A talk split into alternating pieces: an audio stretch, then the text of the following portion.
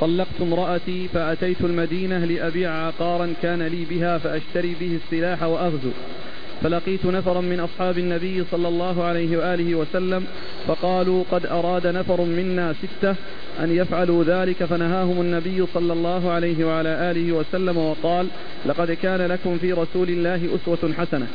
فأتيت ابن عباس رضي الله عنهما فسألته عن وتر النبي صلى الله عليه وآله وسلم فقال أدلك على أعلم الناس بوتر رسول الله صلى الله عليه وآله وسلم. فأت عائشة رضي الله عنها. فأتيتها فاستتبعت حكيم بن, أب حكيم بن أفلح فأبى فناشدته فانطلق معي. فاستأذنا على عائشة رضي الله عنها فقالت من هذا؟ قال حكيم بن أفلح. قالت ومن معك؟ قال سعد بن هشام. قالت هشام بن عامر الذي قتل يوم أحد قال قلت نعم. قالت نعم المرء كان عامر. قال قلت يا أم المؤمنين حدثيني عن خلق رسول الله صلى الله عليه وآله وسلم. قالت ألست تقرأ القرآن؟ فإن خلق رسول الله صلى الله عليه وآله وسلم كان القرآن. قال قلت حدثيني عن قيام الليل. قالت ألست تقرأ؟ يا أيها المزمل. قال قلت بلى. قالت فإن أول هذه السورة نزلت فقام أصحاب رسول الله صلى الله عليه وآله وسلم حتى انتفخت أقدامهم وحبس خاتمتها في السماء اثني عشر شهرا ثم نزل آخرها فصار قيام الليل تطوعا بعد فريضة. قال قلت حدثيني عن وتر النبي صلى الله عليه وآله وسلم. قالت كان يوتر بثمان ركعات لا يجلس إلا في الثامنة ثم يقوم فيصلي ركعة أخرى. لا يجلس إلا في الثامنة والتاسعة ولا يسلم إلا في التاسعة ثم يصلي ركعتين وهو جالس فتلك إحدى عشرة ركعة يا بني. فلما أسن وأخذ اللحم وأخذ اللحم أوتر بسبع, بسبع ركعات لم يجلس إلا في السادسة والسابعة ولم يسلم إلا في السابعة ثم يصلي ركعتين وهو جالس فتلك هي تسع ركعات يا بني. ولم يقم رسول الله صلى الله عليه وآله وسلم ليلة يتمها إلى الصباح. ولم يقرأ القرآن في ليلة قط ولم يصم شهرا يتمه غير, غير رمضان. وكان إذا صلى صلاة داوم عليها وكان إذا غلبته عيناه من الليل بنوم صلى من النهار ثنتي عشرة ركعة. قال فأتيت ابن عباس فحدثته فقال هذا والله هو الحديث ولو كنت أكلمها لأتيتها حتى أشافهها حتى أشافهها به مشافهة. قال قلت لو علمت أنك لا تكلمها ما حدثت ورد أبو داود حديث عائشة رضي الله عنها هذا الطويل الذي مشتمل على ما يتعلق بصلاة الليل وعلى الوتر وعلى أمور عديدة وعلى مسائل عديدة اشتمل عليها هذا الحديث عن أم المؤمنين عائشة رضي الله عنها وأرضاها. والحديث فيه أن سعد بن هشام باع طلق زوجته يعني يريد أن يتفرغ للجهاد وأن يتخلى عن زوجته ليكون ما عنده إلا الجهاد. فقدم المدينة ليبيع عقارا له ليستفيد من ذلك العقار في جهاده. فلقي آه، نفرا من أصحاب الرسول صلى الله عليه وسلم فقالوا له لا تفعل فإن نفرا منا أرادوا ما أردت وبلغ ذلك رسول الله صلى الله عليه وسلم رسول الله صلى الله عليه وسلم فقال لقد كان لكم في رسول الله أسوة حسنة.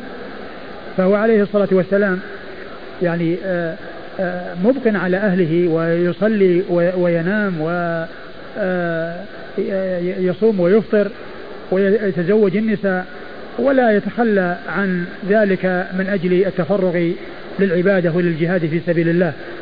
وإنما يمكن أن يجمع بين هذا وهذا. فلما أخبروه بذلك أراد أن يسأل عن مسائل من العلم وعن شيء من آه، أفعال رسول الله صلى الله عليه وسلم فجاء إلى ابن عباس يسأله عن صلاة الليل.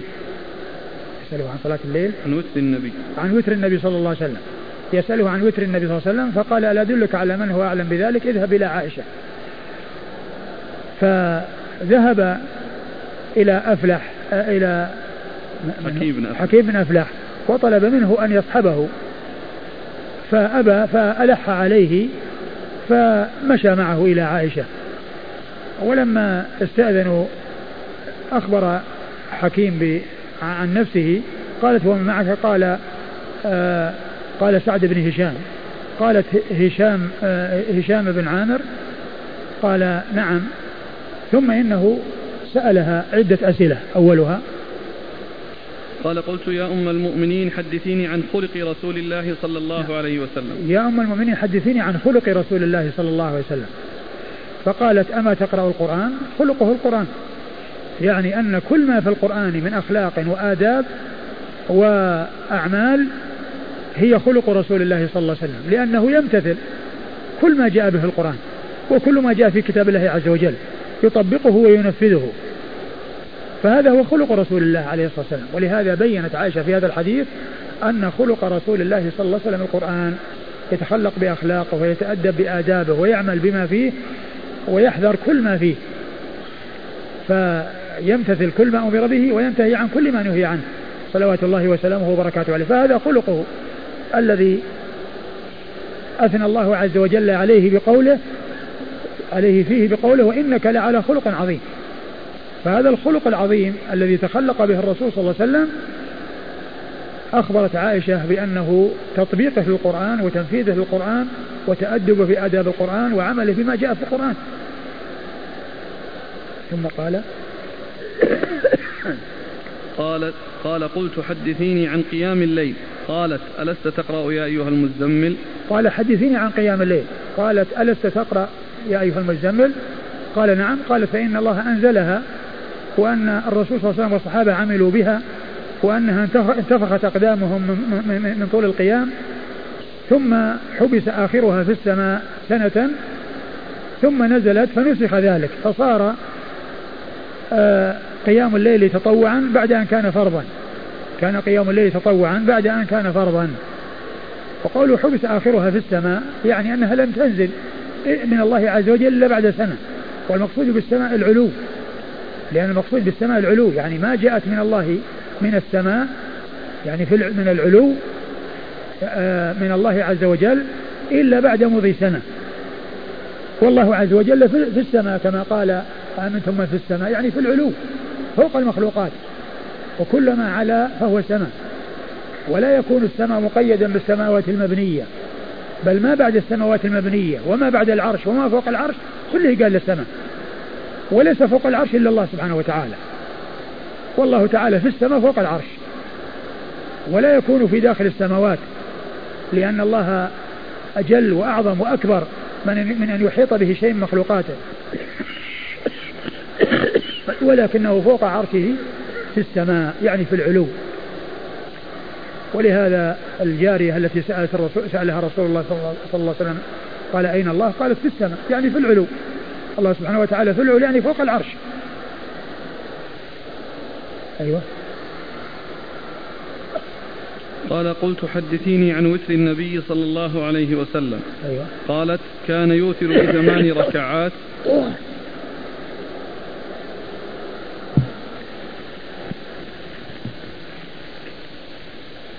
أيوة. قالت كان يوتر بثمان ركعات لا يجلس إلا في الثامنة.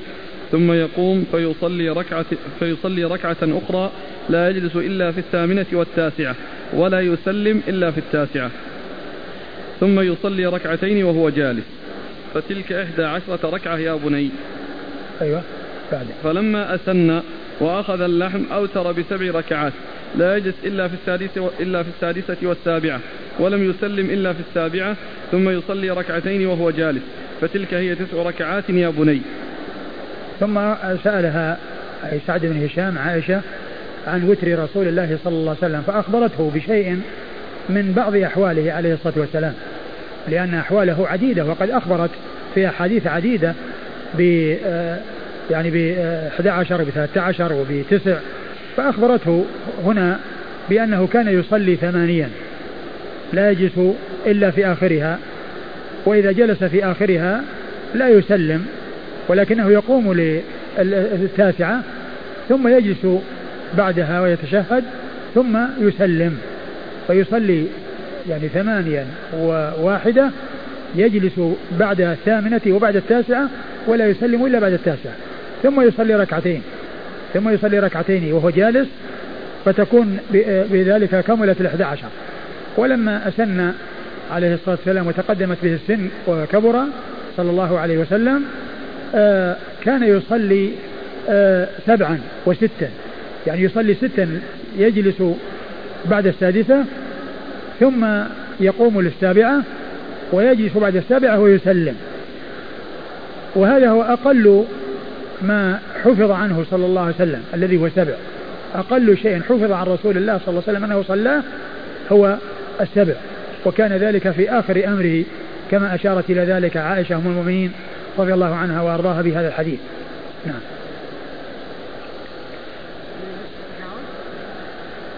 نعم يجلس يذكر الله عز وجل كما جاء في الحديث.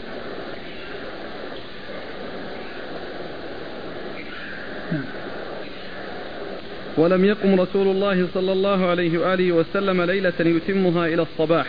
ولم ولم. ولم يقم.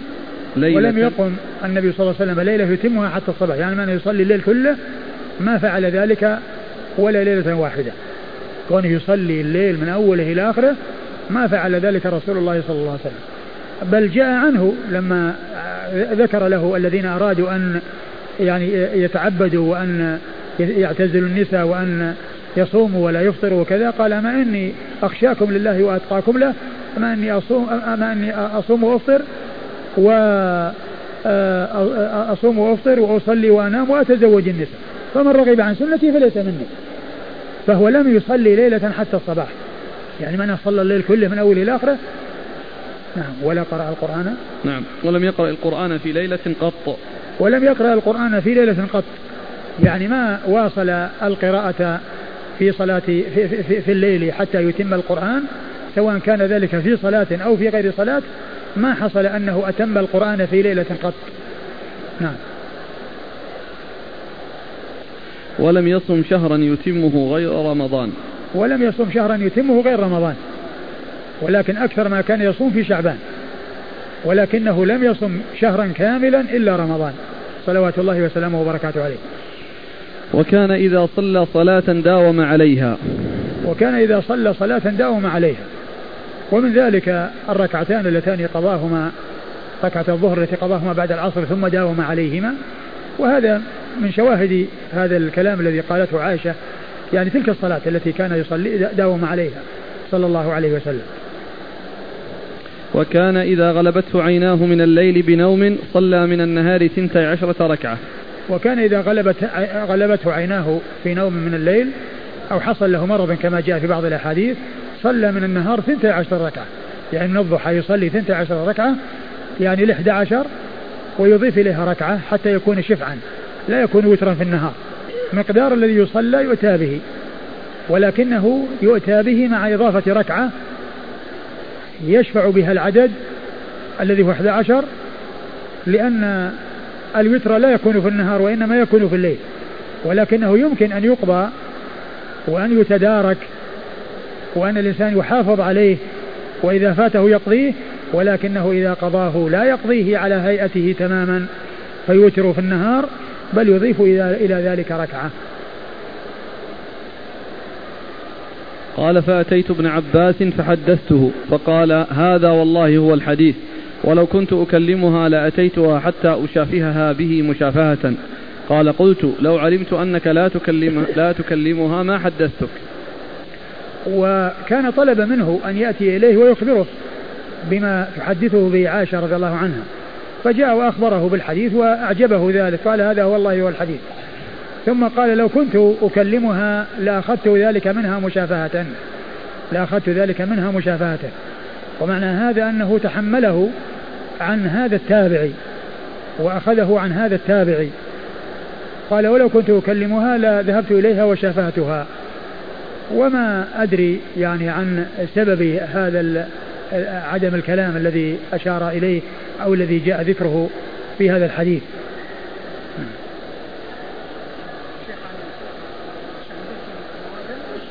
ها؟ يصلح. لا هو إذا إذا جلس يعني بين ال إذا جلس يعني في ال بين ال يعني بعد الثامنة يمكن أن يتشهد. لأن ما جاء شيء يمنعه.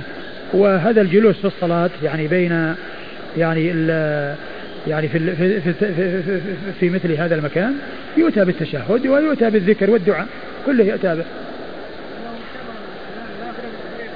ها؟ لا هذا أقول هذا يعني هذا كما هو معلوم الآن جاب ثمان وجابوا آه، تسع واحدة تاسعة وما في فريضة هي هي ثامنة يعني ثمان وتاسعة معه. وبعدين قضية التشبه أو النهي عن التشبيه أنا ما أذكر في الحديث. يعني في النهي عن تشبيه الفرائض بالنوافل أو كذا يعني كونه يعني حديثا يعني ينهى عن ذلك ما أعرف. ولو وجد نهي فإذا وجد دليل يصير مستثنى من النهي.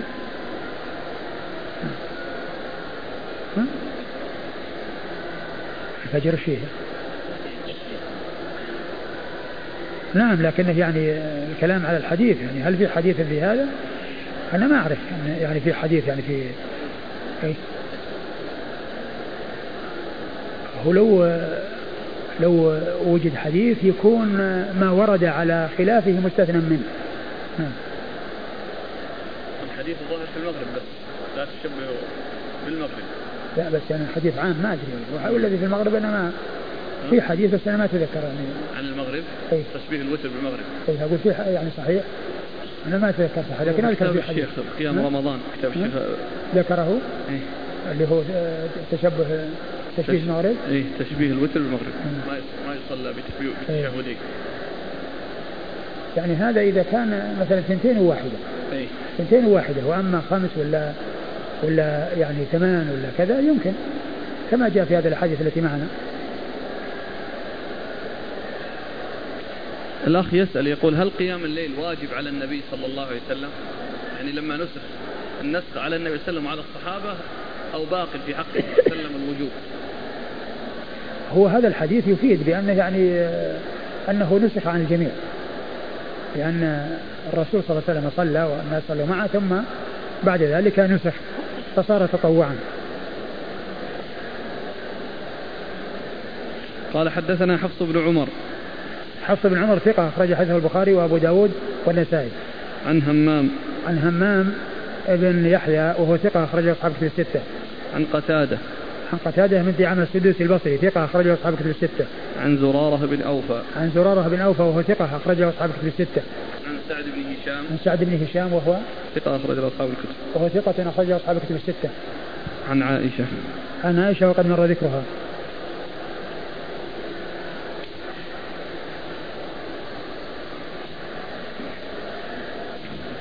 قال حدثنا محمد بن بشار قال حدثنا يحيى بن سعيد عن سعيد عن قتادة بإسناده نحوه.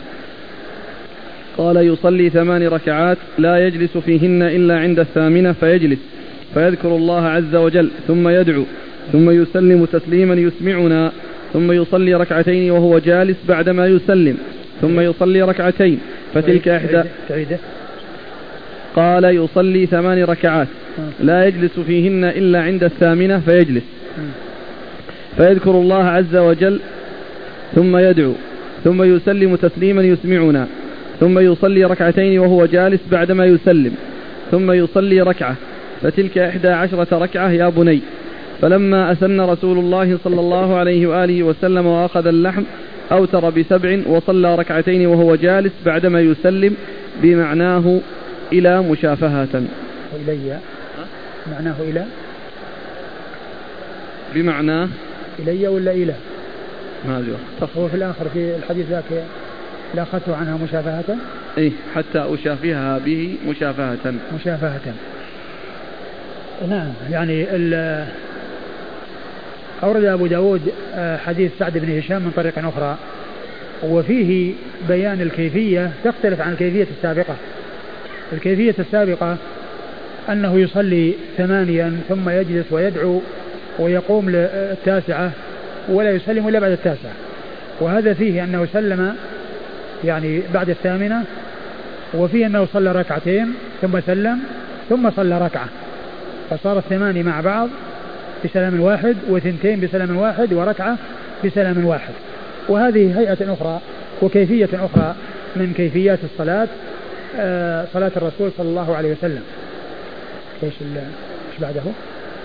قال يصلي ثمان ركعات لا يجلس فيهن إلا عند الثامنة فيجلس فيذكر الله عز وجل ثم يدعو ثم يسلم تسليما يسمعنا يعني يذكر الله يعني في التشهد يتشهد ويدعو. نعم. و ثم يصلي ركعتين وهو جالس بعدما يسلم. ثم يصلي ركعتين وهو جالس بعدما يسلم ثم يأتي بركعة واحدة. نعم. نعم يعني هذا يجعل الركعتين اللي كانت يعني بعد الوتر يعني أتى بهما قبل الوتر. ركعتين. والثمان الأولى كلها متصلة. متصلة نعم.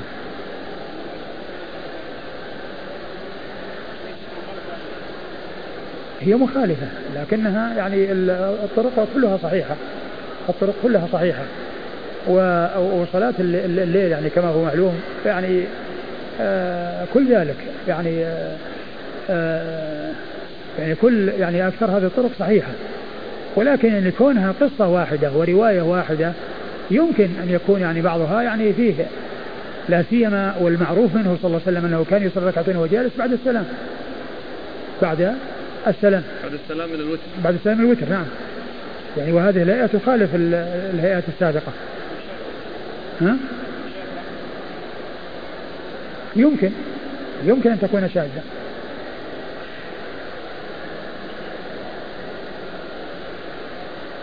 ولكن طريقها صحيح.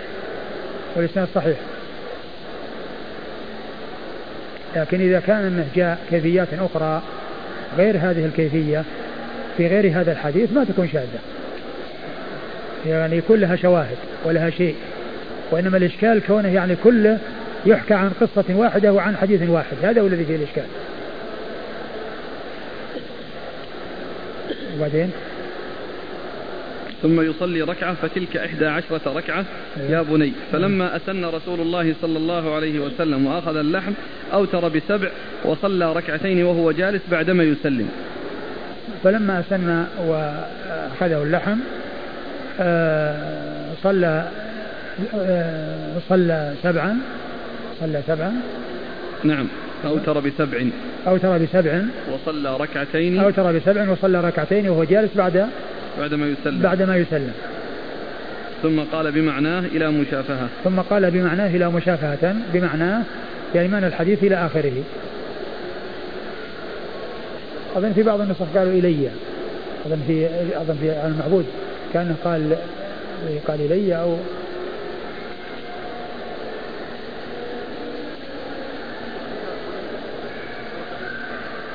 لا ما هو على اعتبار صغير ولكن الكبير يقول لمن هو دونه يا بني. وهي أيضا هي هي أم المؤمنين. يعني كل المؤمنين هي أمهم. يقولون لها يا اماه وتقول يا بني.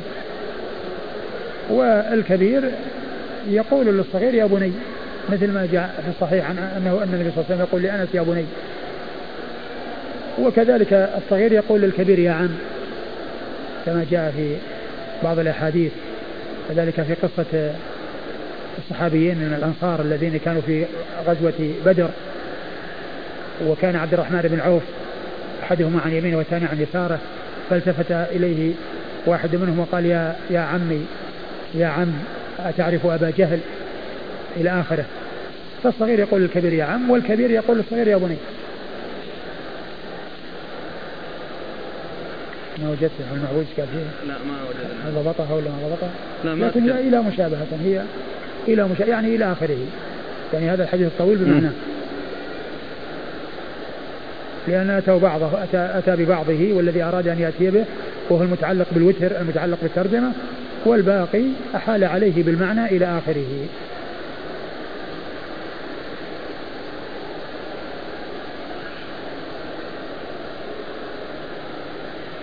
قال حدثنا محمد بن بشار. محمد بن بشار هو الملقب بن دار البصري ثقة أخرجه أصحاب الكتب الستة بل هو شيخ أصحاب الكتب الستة. عن يحيى بن سعيد يحيى بن سعيد القطان ثقة أخرج له أصحاب الكتب الستة. عن سعيد عن قتادة. عن سعيد هو ابن أبي عروبة ثقة أخرجه أصحاب الكتب الستة عن قتادة مر ذكره. قال بإسناده نحوه. قال بإسناده نحوه نعم. قال حدثنا عثمان بن أبي شيبة قال حدثنا محمد بن بشر قال حدثنا سعيد بهذا الحديث قال يسلم تسليما يسمعنا كما قال يحيى بن سعيد. ثم قال أورد طريقا أخرى وقال فيها يسلم تسليما يسمعنا. يعني معناه أنه يسمعهم تسليمه. يعني معناه أنه يجهر به. نعم. قال حدثنا عثمان بن أبي شيبة. ثقة أخرجه أصحاب الكتب الستة إلا الترمذي. عن محمد بن بشر. محمد بن بشر ثقة أخرجه أصحاب الكتب الستة. عن سعيد بهذا الحديث. عن سعيد بهذا الحديث يعني عن قتادة إلى آخره وقد مر ذكرهم. قال حدثنا محمد بن بشار قال حدثنا ابن أبي عدي عن سعيد بهذا الحديث. قال ابن بشار بنحو حديث يحيى بن سعيد إلا أنه قال ويسلم تسليمة يسمعنا. وهو مثل ما قال له قال تسليمة يسمعنا. وهذا لا ينفي أن يكون غير التسليم هناك غير التسليم وهنا تسليمتان. وإنما يعني يسمعون يعني معناه يحمل على أنهم يسمعون واحدة. نعم. قال حدثنا محمد بن بشار عن ابن أبي عدي. ابن أبي عدي هو محمد بن إبراهيم بن أبي عدي ثقة أخرجه أصحاب كتب الستة. عن سعيد. عن سعيد هو بن أبي عروبة مر ذكره. قال ابن بشار بنحو حديث يحيى بن سعيد إلا أنه قال ويسلم تسليمة. يعني يسلم تسليمة بدل تسليما. يعني واحد. نعم لكن ليس واحدة لا يدل على أنها واحدة يمكن بس يعني كونه يسمعنا. تسليمة يسمعنا أي يسمعنا قال يسمعنا فيها. يعني واحدة يجهر فيها نعم. والثانية يصير إسراء يعني يسر نعم.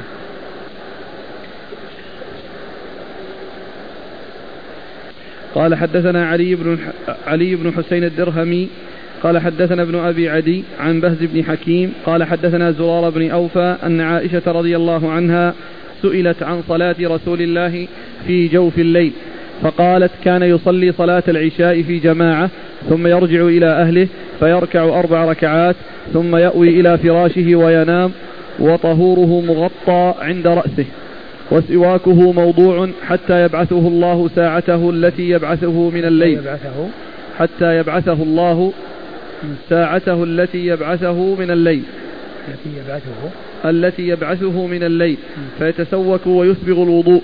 ثم يقوم إلى مصلاه فيصلي ثمان ركعات يقرأ فيهن بأم الكتاب وسورة من القرآن. وما شاء الله ولا يقعد في شيء منها حتى يقعد في الثامنة ولا يسلم ويقرأ في التاسعة ثم يقعد فيدعو بما شاء الله أن يدعوه ويسأله ويرغب إليه. ويسلم تسليمة واحدة شديدة يكاد يوقظ أهل البيت من شدة تسليمه. ثم يقرأ وهو قاعد ثم يقرأ وهو قاعد بأم الكتاب ويركع وهو قاعد ثم يقرأ الثانية فيركع ويسجد وهو قاعد ثم يدعو ما شاء الله أن يدعو ثم يسلم وينصرف.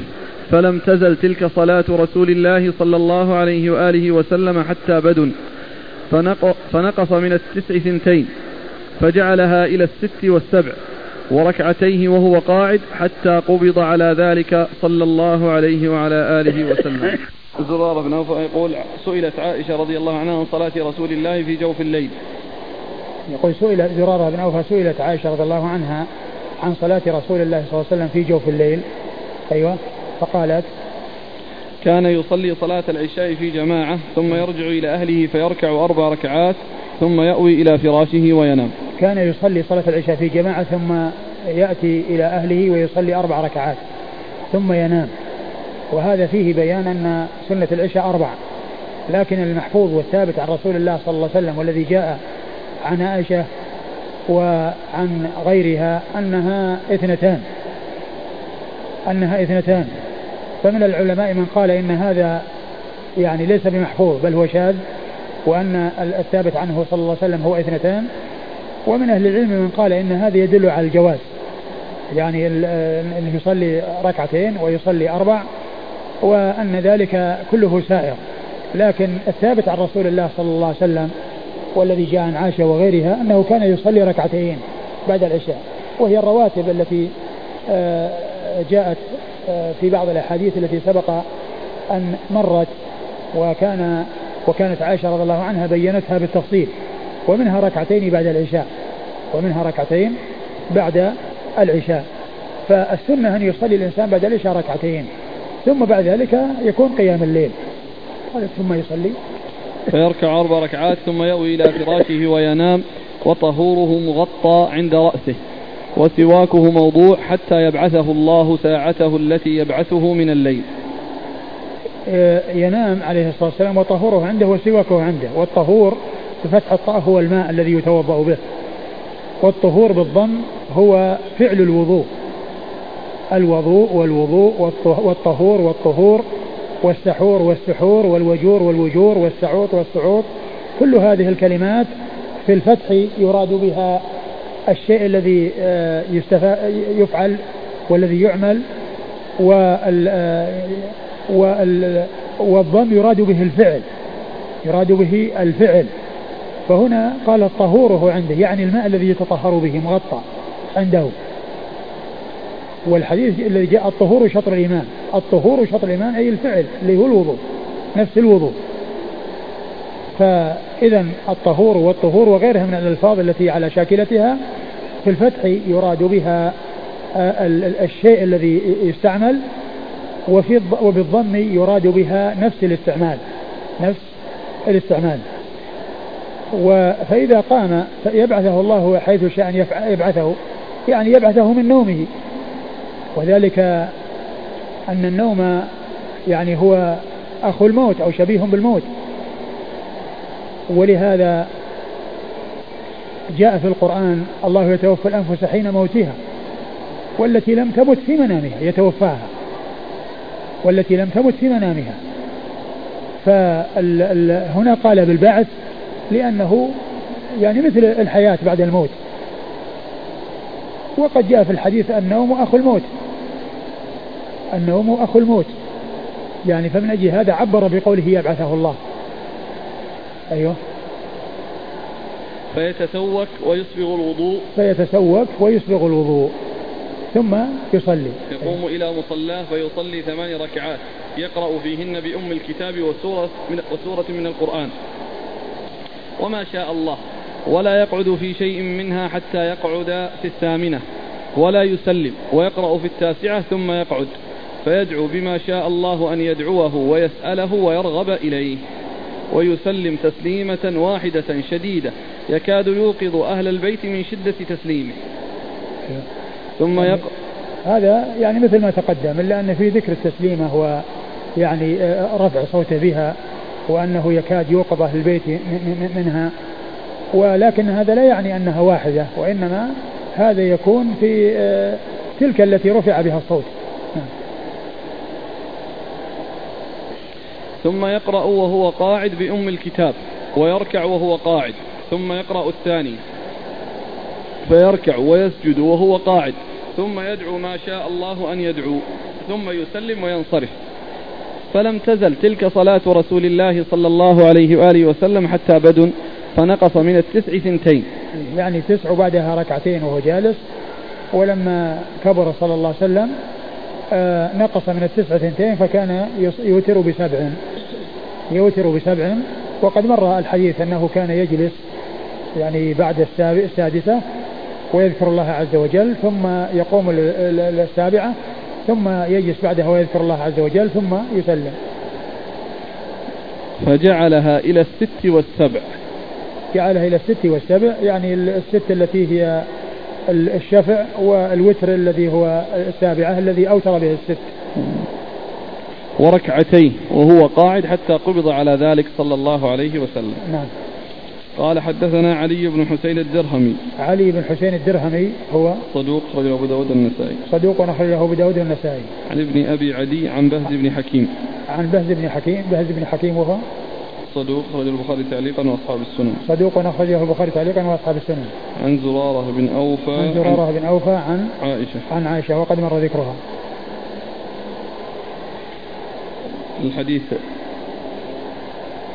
وش؟ يسأل محمد عارف يقول يقول الإسناد متصل. ما ندري يعني قضية كون يعني هذا سمع منها لكن يعني الحديث الذي قبله زرارة يروي عن سعد بن هشام بينه وبين عائشة واسطة. فهو يعني إن يعني إن لم يكن سمع منها فله شواهد. أقول يصير مرسل ويعني أو منقطع وله شواهد.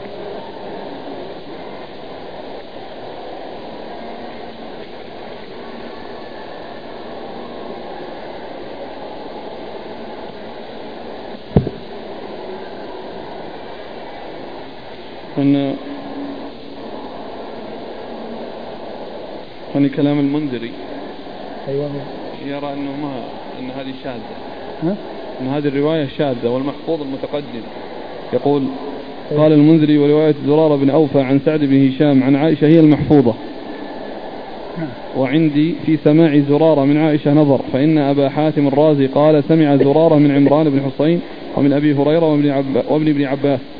وظاهر هذا أنه لم يسمعه عنده من عائشة والله أعلم. إيه لكن ال ال ال هذا الذي جاء له شواهد يعني له له شواهد. والألباني صحح هذه الروايات. والذي يبدو أنه للشواهد. لكن إذا ذكرنا بأنها كلها قصة واحدة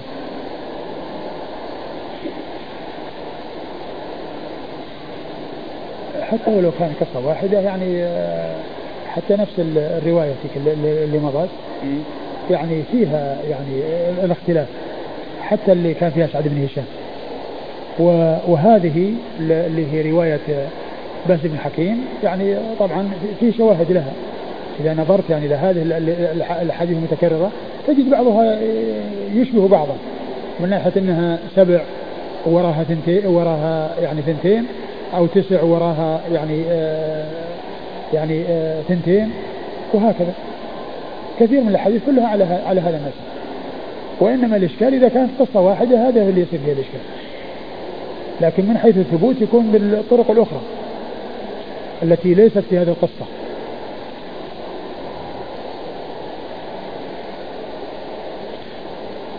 قال حدثنا هارون بن عبد الله قال حدثنا يزيد بن هارون قال أخبرنا بهز بن حكيم فذكر هذا الحديث بإسناده. قال يصلي العشاء ثم يأوي إلى فراشه لم يذكر الأربع ركعات وساق الحديث. وقال فيه فيصلي ثمان ركعات يسوي بينهن في القراءة والركوع والسجود ولا يجلس في شيء منهن إلا في الثامنة فإنه كان يجلس ثم يقوم ولا يسلم فيه فيصلي ركعة يوتر بها. ثم يسلم تسليمة يرفع بها صوته حتى يوقظنا حتى يوقظنا ثم ساق معناه. نعم. وهذا مثل الذي قبله. قال حدثنا هارون بن عبد الله. هارون بن عبد الله الحمال البغدادي ثقة أخرجه مسلم وأصحاب السنن. عن يزيد بن هارون. يزيد, يزيد بن هارون الواسطي ثقة أخرجه أصحاب كتب الستة. عن بهز بن حكيم. عن بهز بن حكيم عن بإسناده. بإسناده وقد مر. قال حدثنا عمر بن عثمان. عمرو بن عثمان. قال حدثنا عمرو بن عثمان. ويقال عمر بن عثمان وعمرو بن عثمان. ها؟ عمرو بن عثمان ويقال عمر بن عثمان. يعني في ترجمة عمرو بن عثمان إيش قال فيها؟ ما قال ويقال عمر؟ في ترجمة عمرو ولا عمر؟ عمر عمر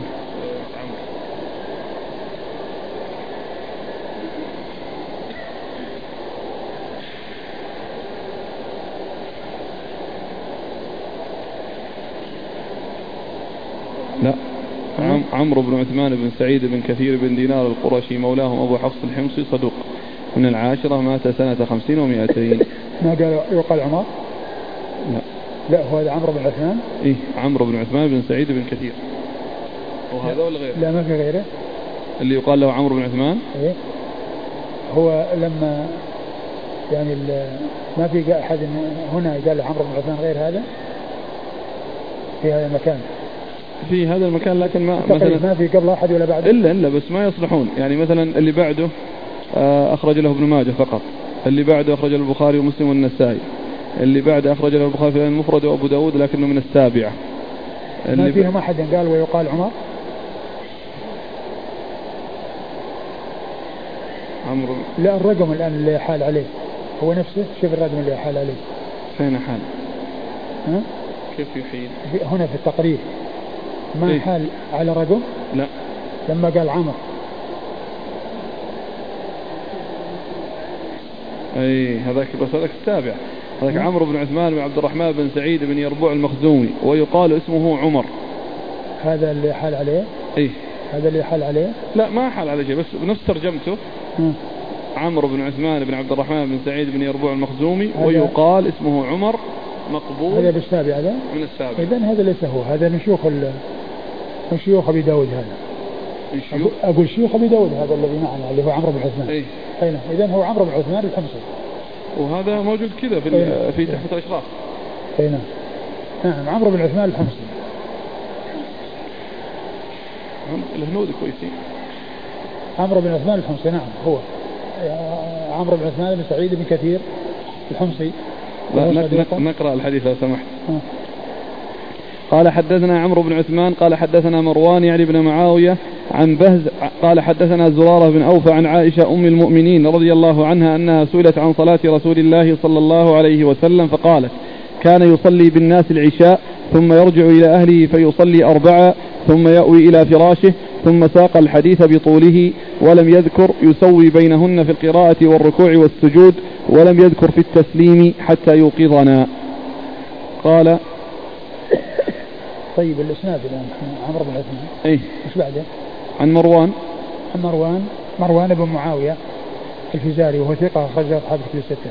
عن بهز عن زرارة عن, عن عائشة. عن زرارة عن عائشة وقد مر ذكرهم. والإسناد الثاني؟ لا هذا هو. لا اللي بعده. أنت قرأت اللي بعده؟ لا لا. ولا هو نفسه؟ هو نفسه. اي طيب. لعلنا نقف خلاص. لا لا. دقيقة.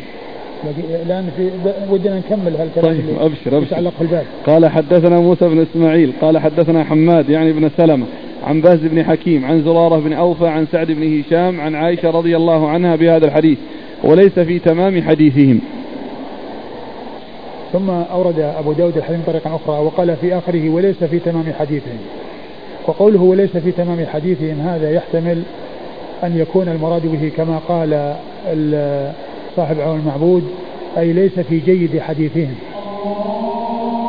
نكمل بعد نكمل بعد الأذان.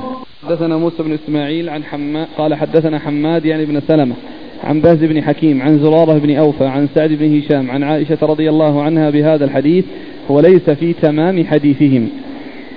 أه حديثهم. أي ثم أورد أبو داود الحديث من طريق أخرى. وحال على ما تقدم قال بمعنى بمعنى بمعنى بهذا الحديث. بهذا الحديث وليس في تمام حديثهم. آه، في عون المعبود قال يعني وليس في تمام حديثهم يعني أشار إلى ثلاثة وهم يزيد بن هارون وحماد بن سلمة والثالث يعني في الأسانيد ابن أبي عدي. آه وابن أبي عدي نعم. لكن وابن أبي عدي.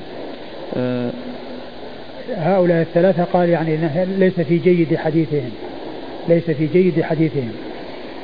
ويحتمل أن يكون المقصود بقوله وليس في تمام حديثهم أن يكون هذا الذي جاء في الأخير ليس تاما مثل الأحاديث التي قبله أو التي مرت. يعني ليس في تمام حديثهم يعني تمام حديث الذين قبله لأنه حال على ما تقدم وقال يعني فيه وليس في تمام حديثهم. يعني ليس مثل الأحاديث التي تقدمت في التمام لأن التمام يراد به تمام الحديث أو, أو نقصانه. إذا الحديث هو أتم وهذا أتم وهذا تام. وأما كونه يراد ليس في تمام حديثهم ليس في جيد حديثهم يعني بمعنى أن تمام بمعنى جيد يعني هذا يعني فيه نظر. لأن التمام يعني غالبا يؤتى به للحديث يعني كونه تاما وكونه يعني بعضها أتم من بعض.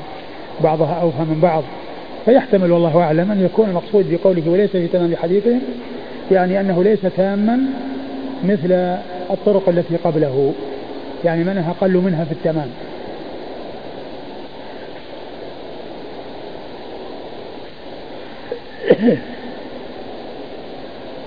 والإسناد؟ قال حدثنا موسى بن إسماعيل. موسى بن إسماعيل مر ذكره؟ عن حم حماد بن بن سلمة ثقة أخرج حديثه البخاري تعليقا ومسلم وأصحاب السنة. عن بهز بن حكيم عن زرارة بن أوفى عن سعد بن هشام عن عائشة. وقد مر ذكرهم. بعده. قال حدثنا موسى يعني بن إسماعيل. قال حدثنا حماد يعني بن سلمة. عن محمد بن عمرو عن أبي سلمة بن عبد الرحمن عن عائشة رضي الله عنها أن رسول الله صلى الله عليه وآله وسلم كان يصلي من الليل ثلاث عشرة ركعة يوتر بتسع. أو كما قالت ويصلي ركعتين وهو جالس وركعتي الفجر بين الأذان والإقامة. ثم أورد أبو داود حديث عائشة من طريق أخرى وفيه أنها ثلاثة عشر يعني يوتر بتسع ويصلي ركعتين وهو جالس ثم ركعتين بين الأذان والإقامة وهذا مثل ما تقدم يعني قريبا. نعم. قال حدثنا موسى بن إسماعيل عن حماد يعني بن سلمة عن محمد بن عمرو محمد بن عمرو عمرو بن علقمة الوقاص الليثي صدوق له اوهام أخرج حديثه أصحاب كتب الستة. عن أبي سلمة بن عبد الرحمن عن عائشة. عن أبي سلمة عن عبد الرحمن عن عائشة وقد مر ذكرهما. حديث ابن عباس؟ لا لا زلنا عند عائشة. اي لا خلينا نكمل حديث عائشة. قال حدثنا موسى بن إسماعيل قال حدثنا حماد. ها؟ كم باقي من حديث عائشة؟ هو هذا الأخير لعله. خلاص نعم. لا والله مو الأخير باقي بعد بس اللي بعده طويل ما نمدينا لكن هذا ممكن.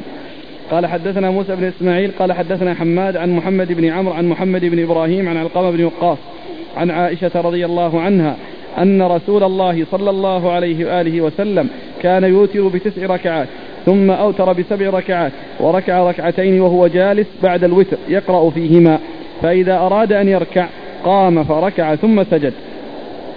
وهذا مر وهذا مر مثله يعني في درس اليوم. أيوه. قال حدثنا موسى بن إسماعيل عن حماد عن محمد بن عمرو عن محمد بن إبراهيم. محمد بن إبراهيم هو التيمي وهو ثقة أخرجه أصحاب كتب الستة. عن علقمة بن وقاص. عن علقمة بن وقاص الليثي وهو ثقة أخرجه أصحاب كتب الستة وهو جد محمد بن عمرو الذي يروي عن محمد بن إبراهيم. عن عائشة. عن عائشة وقد مر ذكرها. قال أبو داود روى الحديثين خالد بن عبد الله الواسطي عن محمد بن عمرو مثله. قال فيه قال علقمة بن وقاص يا أمتاه كيف كان يصلي الركعتين؟ فذكر معناه. ثم أشار إلى طريق أخرى فقال قال أبو داود روى الحديثين خالد بن عبد الله الواسطي. روى الحديثين يعني المتقدمين قبل هذا عن محمد بن عمرو. أيوة. خالد بن عبد الله خالد بن عبد الله الواسطي ثقة أخرجه أصحاب كتب الستة. عن محمد بن عمرو مثله قال فيه قال علقمة بن وقاص يا أمته. يعني معناه أن علقمة بن وقاص هو الذي سألها وقال يا أمته أخبريني عن كذا وكذا. أيوه. الحديثين اللي قبله يعني يعني اللي قبل هذا. هذا الحديثين يعني اللي اللي قبل هذا الكلام هذا. هذين الحديثين. أي نعم. هو حديث عائشة بس إنه الطريقين السابقين. أي. نستمر. الحديث الذي باقي. الحديث لا زال حديث عائشة لكن كأنه شوي فيه في. معاني أخرى. لا في نفس الطهور والوضوء نقرأه إن شاء الله. أيوه. قال حدثنا وهب بن مقي بن بقية عن خالد. قال حا وحدثنا ابن المثنى. قال حدثنا عبد الأعلى. قال حدثنا هشام عن الحسن عن سعد بن هشام. قال قدمت المدينة فدخلت على عائشة رضي الله عنها فقلت أخبريني عن صلاة رسول الله صلى الله عليه وآله وسلم. قالت إن رسول الله صلى الله عليه وآله وسلم كان يصلي بالناس صلاة العشاء ثم يأوي إلى فراشه فينام. فإذا كان جوف الليل قام إلى حاجته وإلى طهوره فتوضأ ثم دخل المسجد فصلى ثمان ركعات. يخيل إلي أنه يسوي بينهن في القراءة والركوع والسجود ثم يوتر بركعة ثم يصلي ركعتين وهو جالس ثم يضجع ثم يضع جنبه. فربما جاء بلال فآذنه بالصلاة ثم يغفي وربما شككت أغفى أو لا حتى يؤذنه بالصلاة. فكانت تلك صلاته حتى أسن حتى أسن ولحم. فذكرت من فذكرت من لحمه ما شاء الله وساق الحديث. ثم ورد أبو داود حديث عائشة رضي الله عنها وهو يشبه الأول الذي سبق أن مر في حديثها الطويل إلا أنه لم يذكر الأربع الركعات. وإنما كان يأتي إلى بيتها وقال إيش وينام؟ نعم. يعني كان يصلي بالناس صلاة العشاء ثم يأوي إلى فراشه فينام. فينام. يعني ما ذكر الأربع الركعات لكنه صلى الله عليه وسلم كان يصلي ركعتين ركعتين كما جاء عن عائشة في الحديث المتقدم. وبعد ذلك؟ ثم يأوي إلى فراشه فينام. فإذا كان جوف الليل قام إلى حاجته وإلى طهوره فتوضأ ثم دخل المسجد فصلى ثم المصلى. المسجد الذي في البيت يعني مكان آه. صلاته.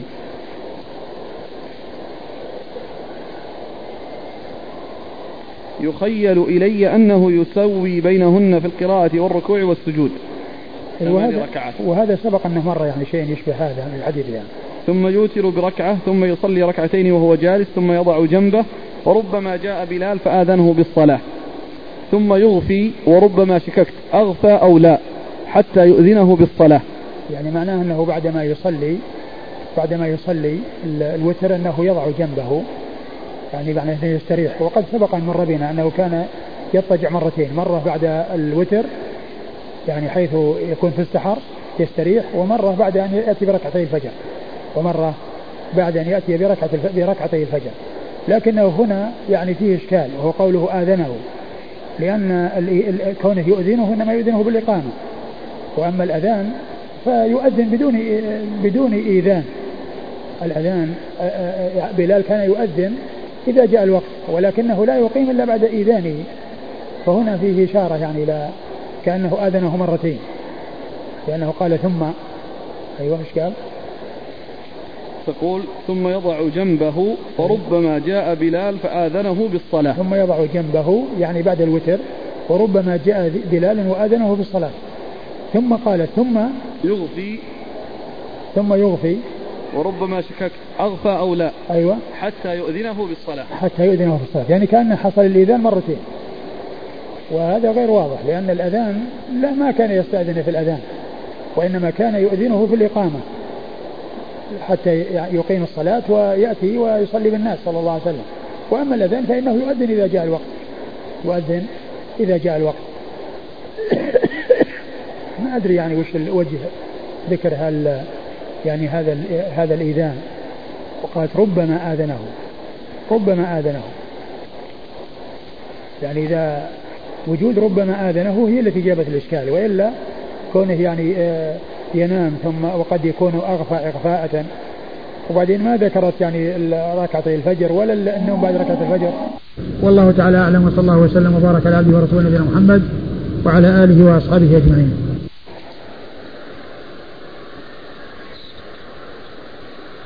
بسم الله الرحمن الرحيم. الحمد لله رب العالمين. والصلاة والسلام على عبد الله ورسوله نبينا محمد وعلى آله وصحبه أجمعين. أما بعد قال الإمام أبو داود السجستاني رحمه الله تعالى تحت باب في قيام في صلاة الليل.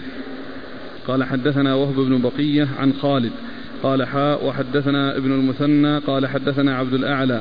قال حدثنا هشام عن الحسن عن سعد بن هشام أنه قال قدمت المدينة فدخلت على عائشة رضي الله عنها فقلت أخبريني عن صلاة رسول الله صلى الله عليه وآله وسلم. قالت إن رسول الله صلى الله عليه وآله وسلم كان يصلي بالناس صلاة العشاء. ثم وقفنا على حديث ابن عباس. هذا ها؟ هذا ما أكملناه. ما قرأناه؟ ما أكملناه. إيش بقي فيه؟ كنا نشرح في متنه ولم نتكلم عن إسناده. أي طيب كمل كمل. قالت كان رسول الله صلى إن رسول الله صلى الله عليه وسلم كان يصلي بالناس صلاة العشاء ثم يأوي إلى فراشه فينام. فإذا كان جوف الليل قام إلى حاجته وإلى طهوره فتوضأ ثم دخل المسجد فصلى ثمان ركعات. يخيل إلي أنه يسوي بينهن في القراءة والركوع والسجود ثم يوتر بركعة. ثم يصلي ركعتين وهو جالس ثم يضع جنبه فربما جاء بلال رضي الله عنه فآذنه بالصلاة ثم يغفي وربما شككت أغفى أو لا حتى يؤذنه بالصلاة فكانت تلك صلاته حتى أثن ولحم فذكرت فذكرت من لحمه ما شاء الله وساق الحديث. بسم الله الرحمن الرحيم. الحمد لله رب العالمين وصلى الله وسلم وبارك على عبده ورسوله نبينا محمد وعلى آله وأصحابه أجمعين. أما بعد فقد مر جملة من الأحاديث في تحت ترجمة باب باب في صلاة في باب في صلاة الليل باب في صلاة الليل مر جملة من الأحاديث. وآخرها هذا الحديث الذي مر معنا الذي سمعناه وقد مر بالأمس وبقي ما يتكلم بقي ما يتعلق بإسناده وهو قال حدثنا وهب بن بقية. وهب بن بقية ثقة الواسطي ثقة أخرج حديثه مسلم وأبو داود والنسائي. وأبو داود النسائي عن خالد؟ نعم. عن خالد هو بن عبد الله الواسطي وهو ثقة أخرج له أصحاب كتب الستة. قال حاء وحدثنا ابن المثنى. قال حاء وحدثنا ابن المثنى وهو محمد بن المثنى العنزي أبو موسى الملقب الزمن ثقة أخرج له أصحاب كتب الستة بل هو شيخ لأصحاب كتب الستة. عن عبد الأعلى. عن عبد الأعلى عن عبد الأعلى وهو بن عبد الأعلى وهو ثقة أخرجه أصحاب كتب الستة. عن هشام. عن هشام عن؟ عن الحسن عن هشام وهو بن حسان. عن هشام وهو بن حسان وهو ثقة أخرجه أصحاب كتب الستة. عن الحسن عن الحسن بن أبي الحسن البصري وهو ثقة أخرجه أصحاب كتب الستة. عن سعد بن هشام. عن سعد بن هشام وهو ثقة. نعم. أخرج له. أصحاب الكتب. أخرج أخرج له أصحاب الكتب الستة. عن عائشة. عن عائشة أم المؤمنين رضي الله عنها وأرضاها الصديقة بنت الصديق وهي من أوعية السنة وحفظتها ومن السبعة المعروفين بكثرة الحديث عن النبي صلى الله عليه وسلم.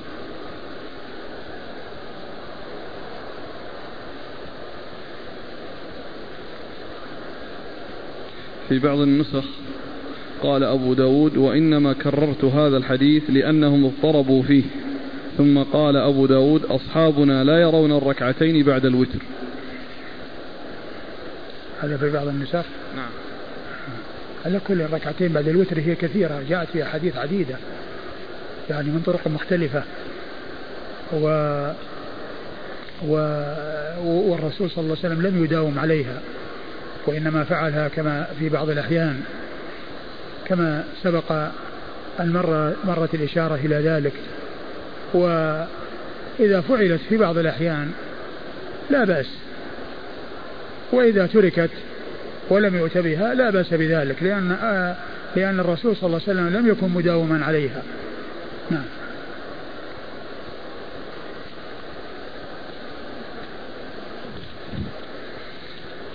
قال حدثنا محمد بن عيسى قال حدثنا هشيم قال أخبرنا حصين عن حبيب بن أبي ثابت. قال حا وحدثنا عثمان بن أبي شيبة قال حدثنا محمد بن فضيل عن حصين عن حبيب بن أبي ثابت عن محمد بن علي بن عبد الله بن عباس عن أبيه عن ابن عباس رضي الله عنهما أنه رقد عند النبي صلى الله عليه وعلى آله وسلم فرآه استيقظ فتسوك.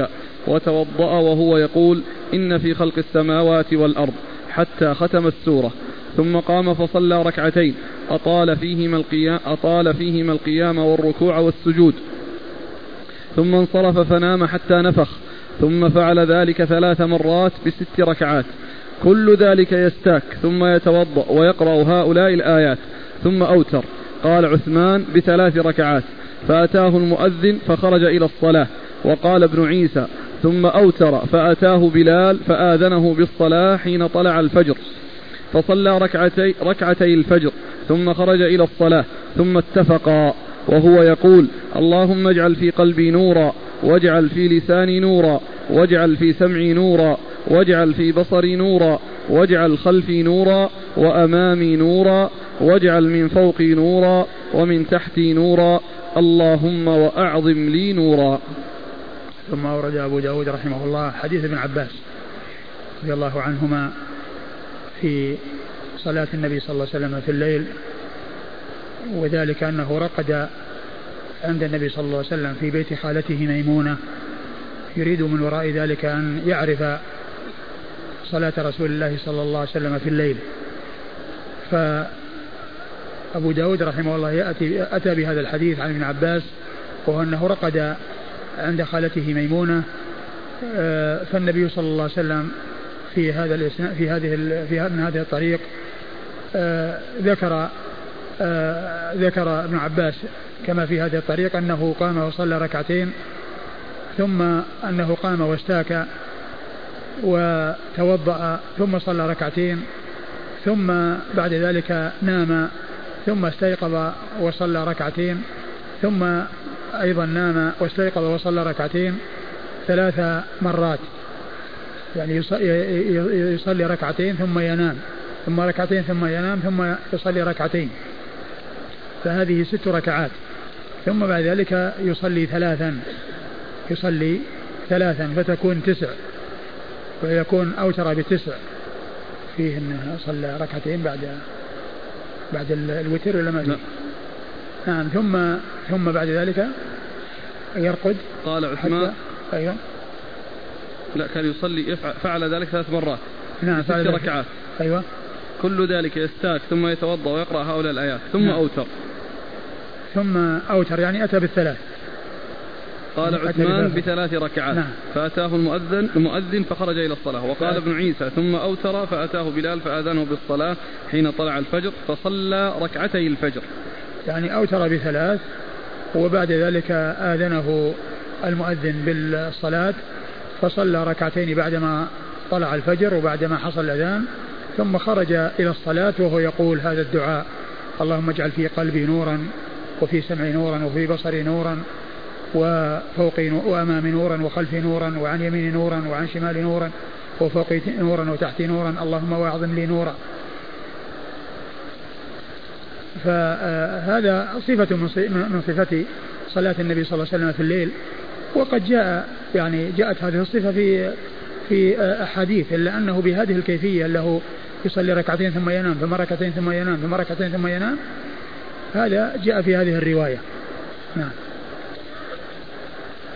قال حدثنا محمد بن عيسى. محمد بن عيسى الطباع وهو ثقة أخرج حديثه البخاري في في الأدب المفرد. البخاري تعليقا. البخاري. تعليقا. البخاري تعليقا وأبو داود والترمذي في الشمائل والنسائي وابن ماجه. عن هشيم. عن هشيم بن بشير الواسطي وهو ثقة أخرج له أصحاب كتب الستة. عن حسين عن حسين بن عبد الرحمن السلمي وهو ثقة أخرج له أصحاب كتب الستة. عن حبيب بن أبي ثابت. عن حبيب بن أبي ثابت وهو ثقة أخرج له أصحاب كتب الستة. قال حاء وحدثنا عثمان بن أبي شيبة. وقال حاء وحدثنا عثمان بن أبي شيبة وهو ثقة أخرج له أصحاب الكتب الستة إلا الترمذي. عن محمد بن فضيل. عن محمد بن فضيل بن غزوان وهو صدوق أخرج له أصحاب الكتب الستة. عن حسين عن حبيب بن أبي ثابت عن محمد بن علي بن عبد الله بن عباس. عن حسين عن عن عن حسين عن حبيب بن أبي ثابت عن محمد بن علي بن عبد الله بن عباس. ومحمد بن عبد بن علي بن عبد الله بن عباس ثقة أخرج له. مسلم وأصحاب السنن. أخرج له مسلم وأصحاب السنن. عن أبيه. عن أبيه وهو ثقة أخرج له البخاري آه، في الأدب المفرد ومسلم وأصحاب السنن. عن ابن عباس. عن ابن عباس عبد الله بن عباس بن عبد المطلب ابن عم النبي صلى الله عليه وسلم وأحد العباد الأربعة من الصحابة وأحد السبعة المعروفين بكثرة الحديث عن النبي صلى الله عليه وسلم.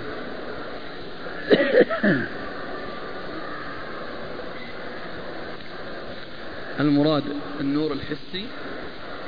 النور يشمل النور الحسي الذي يكون يوم القيامة ويشمل النور المعنوي الذي يكون في هذه الحياة الدنيا. وهو أن يكون على هدى وعلى بصيرة وأن يسير إلى الله عز وجل على نور وهدى على يعني آه، على استقامة قد أخرج من الظلمات إلى النور بالحق والهدى. نعم. وهذا ذكر لدعاء الخروج إلى المسجد حتى في غير صلاة الفجر.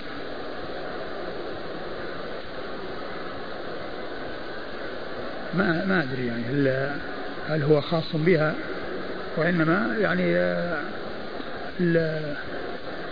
يقول هو جاء في صلاة الفجر لكن الذي يبدو أنها يمكن أن يكون في غيرها ولهذا يعني يذكرون في الخروج إلى الصلاة أنه يقول هذا الكلام يعني في الخروج إلى الصلاة يعني في جميع الصلوات آه، يدعو بهذا الدعاء.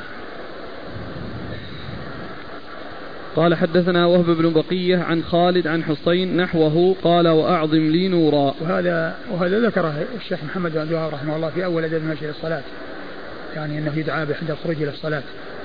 نعم. قال؟ حدثنا وهب بن بقية عن خالد عن حسين نحوه قال وأعظم لي نورا. ثم ورد طريقا أخرى وقال نحوه إلا أنه قال وأعظم لي نورا لم يقل اللهم وأعظم لي نورا يعني ليس فيه له اللهم. أما الطريق السابق ففيه له اللهم وأما هذا الطريق فهو بدونها.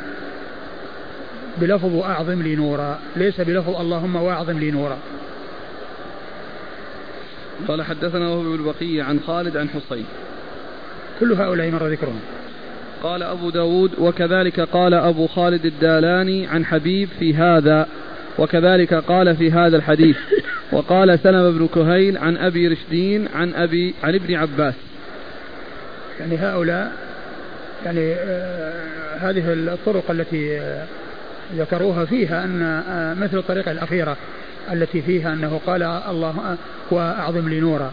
ليس فيها اللهم وأعظم لي نورا. نعم. قال أبو داود وكذلك قال أبو خالد الدالاني. أبو خالد الدالاني هو صدوق يخطئ كثيرا أخرج صدوق يخطئ كثيرا أخرج له أصحاب السنن. أصحاب السنن. عن حبيب في هذا. عن حبيب في هذا يعني حبيب بن أبي ثابت الذي مر ذكره. وكذلك قال في هذا الحديث. أيوه. وقال سلمة بن كهيل عن أبي رشدين عن ابن عباس. سلمة بن كهيل ثقة أخرج أصحاب كتب الستة. وأبو رشدين هو عكرمة هو هو كريب مولى ابن عباس. ذكر هنا بكنيته. ذكر هنا بكنيته وكثيرا ما يذكر باسمه وذكره بكنيته قليل نادر وهذا منه. فأبو رشدين هو كريب مولى ابن عباس وهو ثقة أخرجه أصحاب كتب الستة. عن ابن عباس. عن ابن عباس نعم.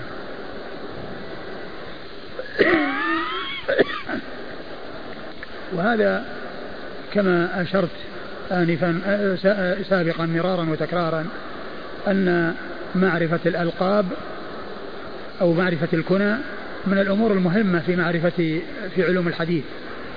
وذلك أن الشخص أن الشخص إذا لم يعرف الكنى ولم يعرف الألقاب قد يظن الشخص الواحد شخصين لأن من لا يعرف أن كريب كنيته أبو رشدين إذا رأى أبو رشدين يعني في موضع يعني يظن أنه شخص آخر.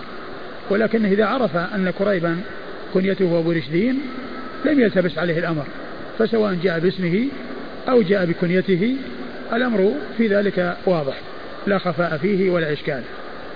نعم.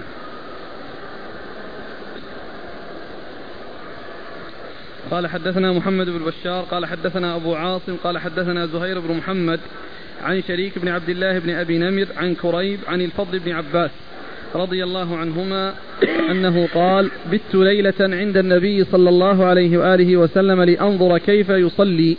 فقام فتوضأ وصلى ركعتين قيامه قيامه مثل ركوعه وركوعه مثل سجوده. ثم نام ثم استيقظ فتوضأ واستنى. ثم قرأ بخمس آيات من آل عمران إن في خلق السماوات والأرض واختلاف الليل والنهار فلم يزل يفعل هذا حتى صلى عشر ركعات. ثم قام فصلى سجدة واحدة. فأو تعيد المتن عن الفضل بن كري... عن الفضل بن عباس. قال بت ليلة عند النبي صلى الله عليه وسلم لأنظر كيف يصلي. فقام فتوضأ وصلى ركعتين. قيامه مثل ركوعه وركوعه مثل سجوده.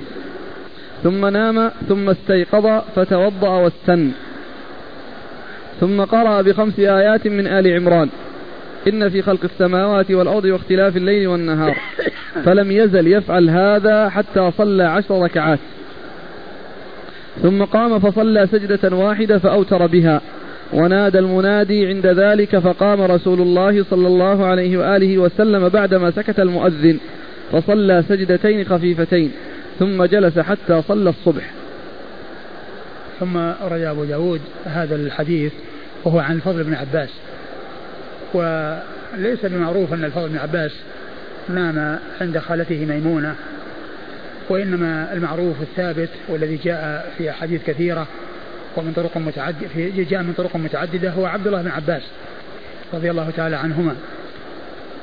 و وهذه الطريق فيها الفضل بن عباس وهي تشتمل على صفة من صفات صلاة الرسول صلى الله عليه وسلم في الليل ولكن لم يثبت يعني ذلك عن الفضل بن عباس لأن الإسناد فيه انقطاع بين بين كريب وبين الفضل الفضل بن عباس لأنه لم يدركه فيكون منقطعا فهو غير ثابت عن رسول الله صلى الله عليه وسلم. وإنما الثابت في صفة صلاة الليل عن عبد الله بن عباس رضي الله عنهما. والفضل هو أكبر أولاد العباس. وبه يكنى.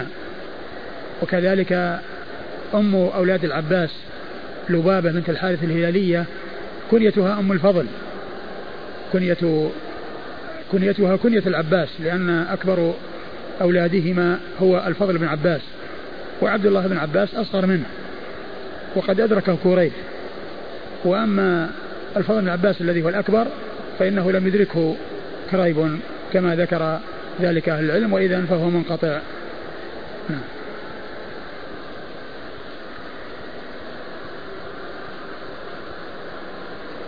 فتوضأ واستنى توضأ واستنى يعني استاك استنى يعني دلك أسنانه بالسواك.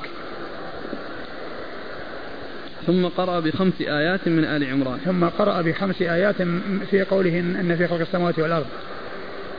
وهذه مرت في حديث ابن عباس إلا أنها إلى آخر السورة. يعني من هذه الآية إلى نهاية السورة. أيوة. ولم يزل يفعل هذا حتى صلى عشر ركعات. يعني صلى ركعتين ثم بعد ذلك حصل منه الاستنان ثم استمر على ذلك حتى صلى عشر ركعات. ثم يعني قام ثنتين ثنتين ثنتين وبينهما الاستنان وقراءة هذه الآيات. ثم قام وصلى ركعة واحدة أوتر بها. ثم طلع الفجر وآذنه بلال فصلى ركعتين ثم خرج وصلى بالناس صلى الله عليه وسلم. قال حدثنا محمد بن بشار. محمد بن بشار مر ذكره. عن أبي عاصم. عن أبي عاصم وهو النبيل أبو عاصم النبيل الضحاك بن مخلد وهو ثقة أخرج له أصحاب كتب الستة. محمد بن بشار مرة؟ مرة محمد بن المثنى. محمد بن بشار ولا محمد بن المثنى؟ مرة محمد بن المثنى ها؟ مرة محمد بن المثنى هنا محمد بن بشار هنا محمد بن نعم محمد بن بشار محمد بن بشار هو أبو هو الملقب بن دار البصري ثقة أخرجه أصحاب كتب الستة بل هو شيخ لأصحاب كتب الستة. عن أبي عاصم عن زهير بن محمد. آه زهير بن محمد هو آه التميمي زهير بن محمد إيش؟ الخراساني. الخراساني نعم.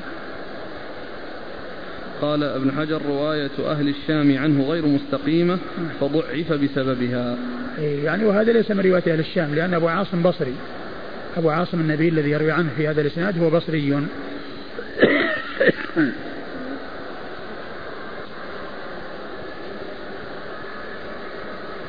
عن شريك بن عبد الله بن أبي نمر.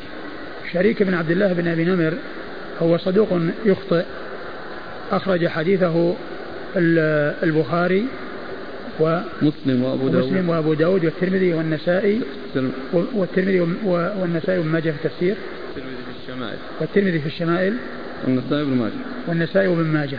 عن كريب عن الفضل بن عباس. عن كريب عن الفضل بن عباس. الكريب كريب مر ذكره. هو الفضل بن عباس.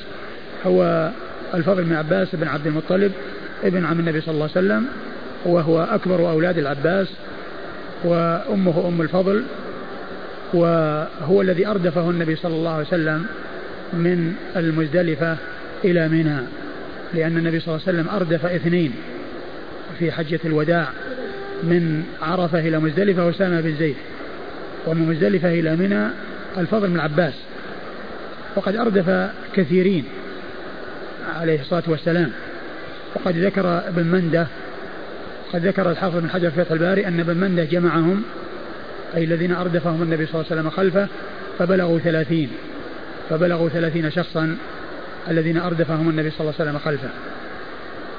ومنهم الفضل بن عباس هذا وكان ذلك في سيره من مزدلفة إلى منى صلى الله عليه وسلم. ها؟ الذي فيه اللي من أردفه النبي مطبوع. نعم. إيش؟ طيب الفضل من أخرجه أصحاب الكتب الستة. نعم. أخرجه أصحاب الكتب الستة.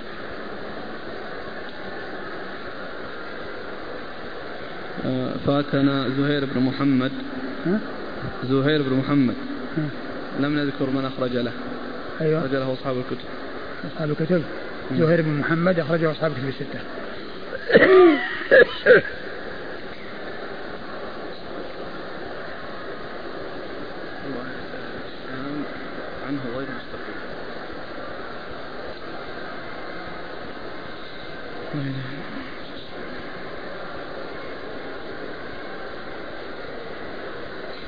قال أبو داود خفي علي من ابن بشار بعضه. قال أبو داود خفي علي من ابن بشار بعضه يعني بعض الحديث. والمقصود الذي خفي عليه ما ذكره وإنما ذكر الشيء الذي ما خفي عليه. فمعناه الخافي الذي كان خفي, خفي عليه لم يأتي به وإنما أتى بالذي الذي لم يخفى عليه.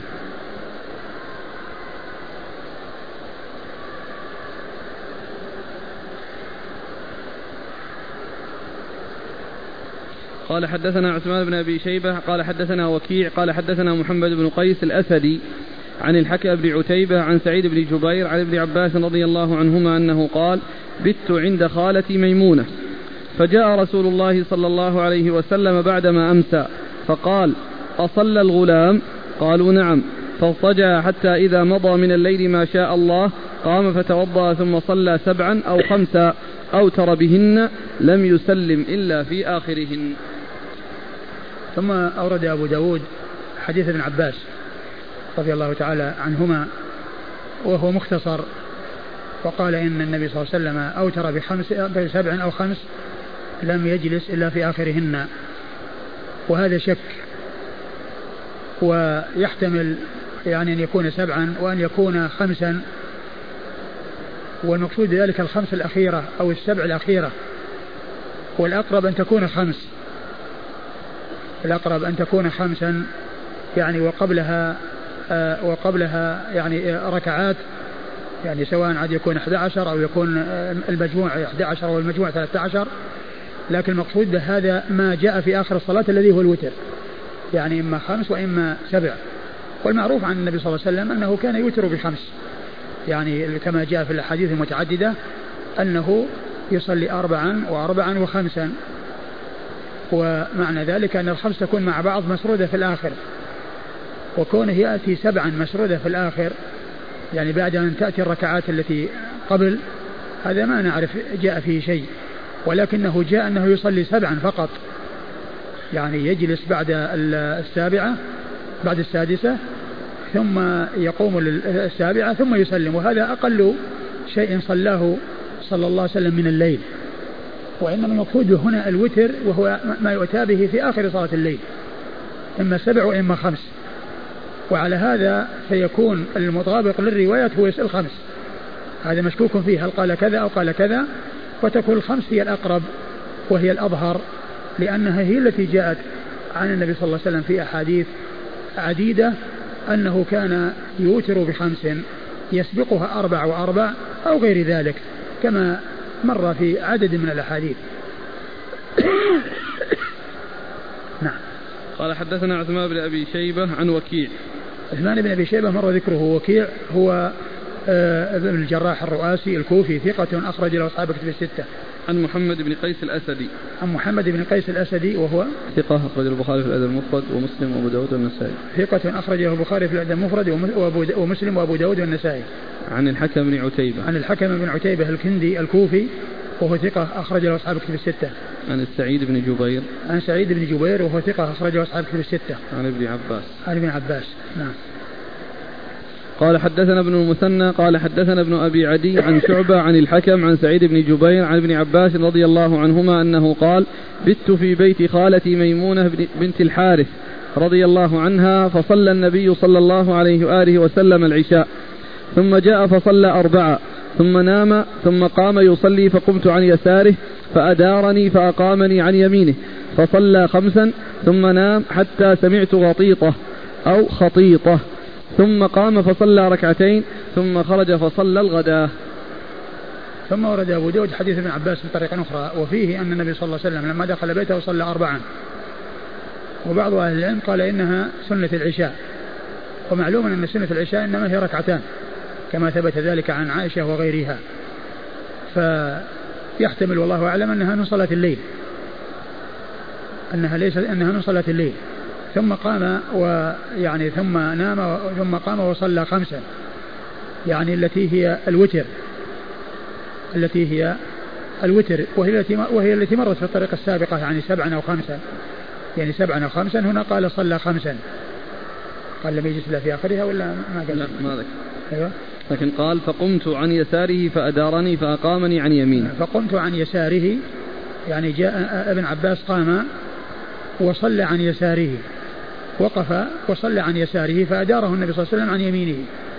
وفي هذا دليل على أن موقف المأموم الواحد عن يمين الإمام وأنه إذا جاء أحد وصلى بيسار, بيسار الإمام فإنه يديره إلى جهة اليمين. وأن مثل هذه الحركة لا تؤثر لا من الإمام ولا من المأموم.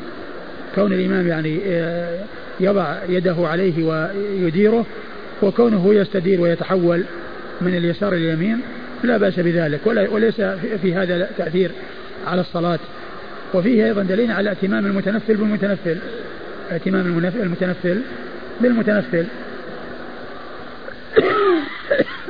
نعم ورد أنه مسكه من من أذنه هو ورد أنه كان يعني سيأتي أنه كان يعني آه، وهو على يمينه وهو ينعس يصيب نعاس فكان يعني يلمس إذنه ويفتلها يعني آه، يطرد عنه النعاس. سبحان الله. قال ثم نام حتى سمعت غطيطه أو خطيطه. غطيطه أو خطيطه يعني صوت يعني الصوت الذي يخرج من النائم. أيوه. ثم قام فصلى ركعتين ثم خرج فصلى الغداء. ثم قام فصلى ركعتين في ركعتا الفجر وصلى الغداة. ويحتمل أن يكون الحديث الذي مر أنه يعني آه أن فيه اختصار وأن هناك شيء غير الأربع وغير الخمس. لأن بعض الأحاديث يذكر فيها اختصار. كما سيأتي أنه ما ذكر الوتر في بعض الأحاديث. نفس الوتر ما ذكره. يعني ذكر قيام الليل وركعات قيام الليل ولم يأتي بالوتر. الآن القصة ليست واحدة. يحتمل أن تكون واحدة وأن تكون متعددة. وهي إن كانت واحدة فالأحاديث يعني لابد أن يرجح بعضها على بعض ويكون أرجحها هو المحفوظ وغيره يكون شاذا. ويحتمل أيضا أن يكون مع كونها واحدة وتختلف الروايات أن يكون لها شواهد فتكون غير شاذة من أجل الشواهد وأنها ثبتت من غير طريق ابن عباس. وإذا كانت متكررة فالأمر في ذلك واضح ما في إشكال.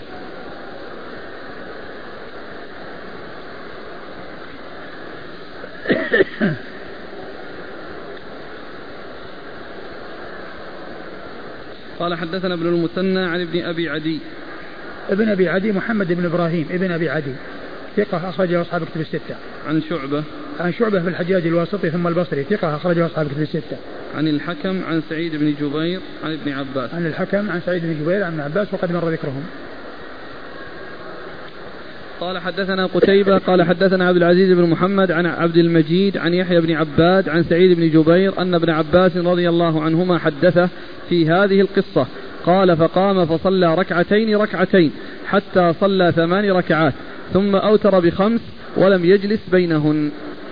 ثم ورد الحديث من طريق أخرى وأنه صلى ركعتين ركعتين يعني أربع مرات تصير ثمان. ثم أوتر بخمس فلم يجلس بينهن فصارت ثلاثة عشر.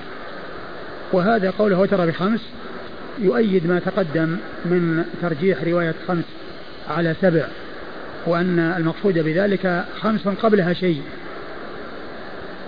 وليست يعني خمسا مستقلة. ومنفردة لأنه لم يثبت عن النبي صلى الله عليه وسلم أنه صلى في الليل أقل من سبع ركعات. أقل شيء صلاه رسول الله صلى الله عليه وسلم في الليل سبع ركعات. ولم يثبت عنه أنه صلى أقل من ذلك. وعلى هذا فتكون الخمس التي جاءت في الحديث المتقدم للشك آه، بين السبع والخمس. أن المقصود من ذلك خمس قبلها شيء. وهذا الحديث فيه ثنتين ثنتين ثنتين ثنتين أربع مرات ثم يأتي خمس لم يجلس إلا في آخرها فصار مجموع ثلاثة عشر.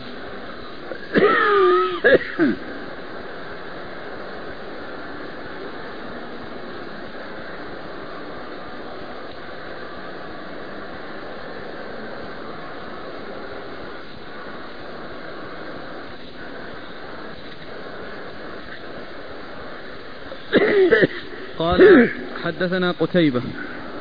قتيبة بن سعيد بن جميل بن طريف البغلاني ثقة أخرج له أصحاب كتب الستة. عن عبد العزيز بن محمد. عن عبد العزيز بن محمد الدراوردي وهو صدوق أخرجه أصحاب كتب الستة. عن عبد المجيد. عن المجيد بن سهيل وهو ثقة أخرجه البخاري ومسلم وأبو داود والنسائي. ثقة أخرجه البخاري ومسلم وأبو داود والنسائي. عن يحيى بن عباد. عن يحيى بن عباد وهو ثقة أخرجه البخاري في الأدب المفرد ومسلم وأصحاب السنن. ثقة أخرجه البخاري في الأدب المفرد ومسلم وأصحاب السنن. عن سعيد بن جبير عن ابن عباس. عن سعيد بن جبير عن ابن عباس وقد مر ذكرهما. قال حدثنا عبد العزيز بن يحيى الحراني قال حدثني محمد بن سلمة عن محمد بن إسحاق عن محمد بن جعفر بن الزبير عن عروة بن الزبير عن عائشة رضي الله عنها أنها قالت كان رسول الله صلى الله عليه وآله وسلم يصلي ثلاث عشرة ركعة بركعتيه قبل الصبح. يصلي ستا مثنى مثنى ويوتر بخمس لا يقعد بينهن إلا في آخرهن. عن عائشة رضي الله عنها أنها قالت كان رسول الله صلى الله عليه وآله وسلم يصلي ثلاث عشرة ركعة نعم. بركعتيه قبل الصبح. يصلي ستا مثنى مثنى ويوتر بخمس لا يقعد بينهن إلا في آخرهن. ثم أورد أبو داود آه، آه، آه، أبو داود رحمه الله بعدما أنهى حديث أحاديث عائشة المتقدمة يعني أتى بأحاديث جملة بأحاديث حديث ابن عباس من طرق مختلفة ثم عاد إلى أحاديث عائشة وأتى بجملة منها ثم يعود بعد ذلك إلى ابن عباس ويأتي بأحاديث عنه أيضا. وأورد هذا الحديث عن عائشة رضي الله عنها وهو مثل حديث ابن عباس المتقدم قبل هذا إلا أن فيه أنه صلى ثمان ركعات وهنا صلى أربع ست ركعات وأوتر بخمس وأوتر بخمس يعني يعني هنا ذكر ست ركعات وفي حديث المتقدم ثمان ركعات فيكون يعني الخمس مع الست 11 ومع ذلك ومعها ركعة الفجر فتكون 13 يعني معناها 13 بركعتي الفجر. وبدون ركعتي الفجر هي 11 ثنتين ثنتين ثنتين ثم خمس يأتي بها لا يجلس إلا في آخرها. نعم. قال حدثنا عبد العزيز بن يحيى الحراني. عبد العزيز بن يحيى الحراني هو صدوق ربما وهم. صدوق ربما وهم أخرج له. أبو داود والنسائي. أخرجه أبو داود والنسائي. عن محمد بن سلمة. عن محمد بن سلمة الباهلي. وهو ثقة أخرج له البخاري في جزء القراءة ومسلم وأصحاب السنن. عن محمد بن إسحاق. عن محمد بن إسحاق المدني وهو صدوق. أخرج حديثه البخاري تعليقا ومسلم وأصحاب السنن. عن محمد بن جعفر بن الزبير. عن محمد بن جعفر بن الزبير وهو ثقة أخرجه أصحاب الكتب الستة. عن عروة بن الزبير. عن عروة بن الزبير وهو ثقة فقيه أحد فقهاء المدينة السبعة في عصر التابعين أخرجه أصحاب الكتب الستة. عن عائشة أم المؤمنين رضي الله عنها وأرضاها وهي واحدة من سبعة أشخاص عرفوا بكثرة الحديث عن النبي صلى الله عليه وسلم.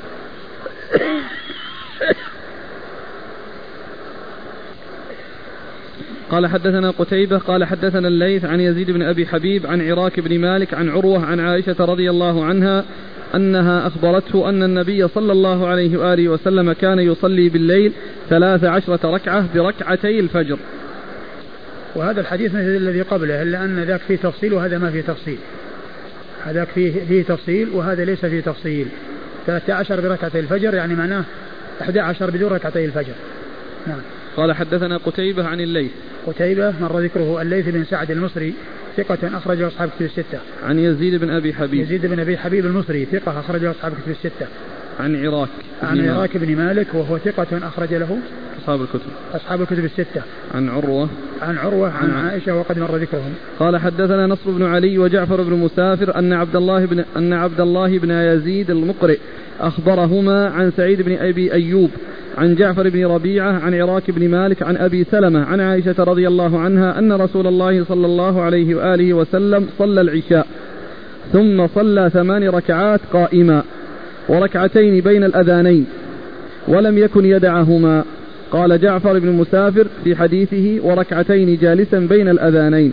زاد جالسا. أن رسول الله صلى الله عليه وسلم صلى العشاء. أيوة. ثم صلى ثمان ركعات قائما. وركعتين بين الأذانين. ولم يكن يدعهما. قال جعفر بن مسافر في حديثه وركعتين جالسا بين الأذانين. زاد جالسا. إيه، يعني ثم أورد أبو داود حديث عائشة وليس في ذكر الوتر هنا. نعم. لأنه ما ذكر الوتر ذكر ثمان ركعات. وذكر الركعتين اللتين كان يصليهما وهو جالس. و وهما ليس بين الأذانين. اللي هي يعني بين الأذان الأذان والإقامة وإنما الركعتين اللتين اللتين تكون يعني آه، بعد صلاته بعد صلاته في الوتر. فقوله بين الأذانين هذا كما يقول الشيخ الألباني رحمة الله عليه يعني آه، غير صحيح يعني ذكر الأذانين. لأن الذي كان يصلي يعني بعد ذلك وهو جالس هو الركعتان اللي تابعة لصلاة الليل. ولم يكن صلى الله عليه وسلم يصلي ركعتي الفجر وهو جالس. بل كان يصليهما وهما خفيفتان جدا وهو قائم صلى الله عليه وسلم. نعم. فصار صار بين الأذانين شاذ؟ بين نعم نعم بين الأذانين هو اللي شاذ. وجالس شاذ. وكذا كله بين الأذانين وهو جالس. فيصلي ركعتين أي ثابت أنه يصلي. نعم. يعني بين الأذانين جالسا بين الأذانين جالسا يعني هو كونه يصلي ركعتين وهو جالس هذا ثابت. اللي هي بعد اللي هي بعد الوتر. آه يعني مثل ركعتي إيه؟ الفجر. إيه؟ لا ما هي ركعتي الفجر. آه. يعني ركع... لماذا لا نحملها؟ بين الأذانين الأذان والإقامة. وش هو؟ أنه يصلي ركعتين. تبقى بس المسألة الشذوذ بس قوله جالس. فتحمل على رواية نصر بن علي. لأن نصر بن علي ما قال جالس. إنما جعفر بن مسافر وهو صدوق ربما أخطأ. هو اللي زاد كلمة جالس لا بس هو هو هو لما جاءت بين الأذانين يعني آه يعني ما يفهم منها صلاة الفجر إنها آه ركعتي الفجر. إنها ركعتي الفجر. المقصود هو الركعتان لأنها كم هي؟ هي ثمان ركعات. إيه وقلنا ما ذكر الوتر ما ذكر الوتر. أي نعم. يعني الوتر الوتر الذي هو الذي هو ركعة وأكثر ركعه وأكثر. إما ثلاث وإما واحدة. نعم. إما ثلاث وإما واحدة. إذا كان ثلاث يصير 11 وإذا كان واحدة يصير تسعة. وإذا كان واحدة يصير تسعة.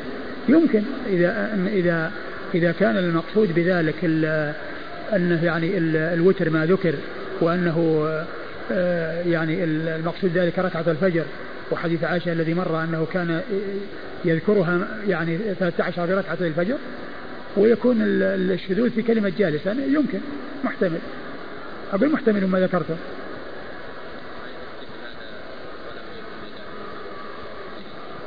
إلا هذا يؤيد هذا.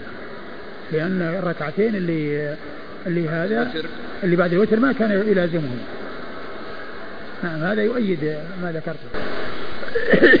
وأن الشذوذ في كلمة جالس. قال حدثنا نصر بن علي.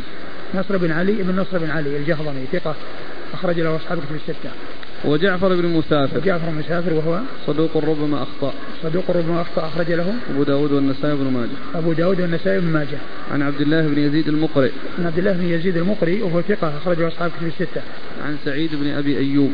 سعيد بن أبي أيوب ثقة أخرجه أصحاب كتب الستة. عن جعفر بن ربيعة. عن جعفر بن ربيعة ثقة أخرجه أصحاب كتب الستة. عن عراك بن مالك عن أبي سلمة. عن عراك بن مالك عن أبي سلمة وقد أبو سلمة هو بن عبد الرحمن بن عوف. ثقة. أخرج له أصحاب كتب الستة.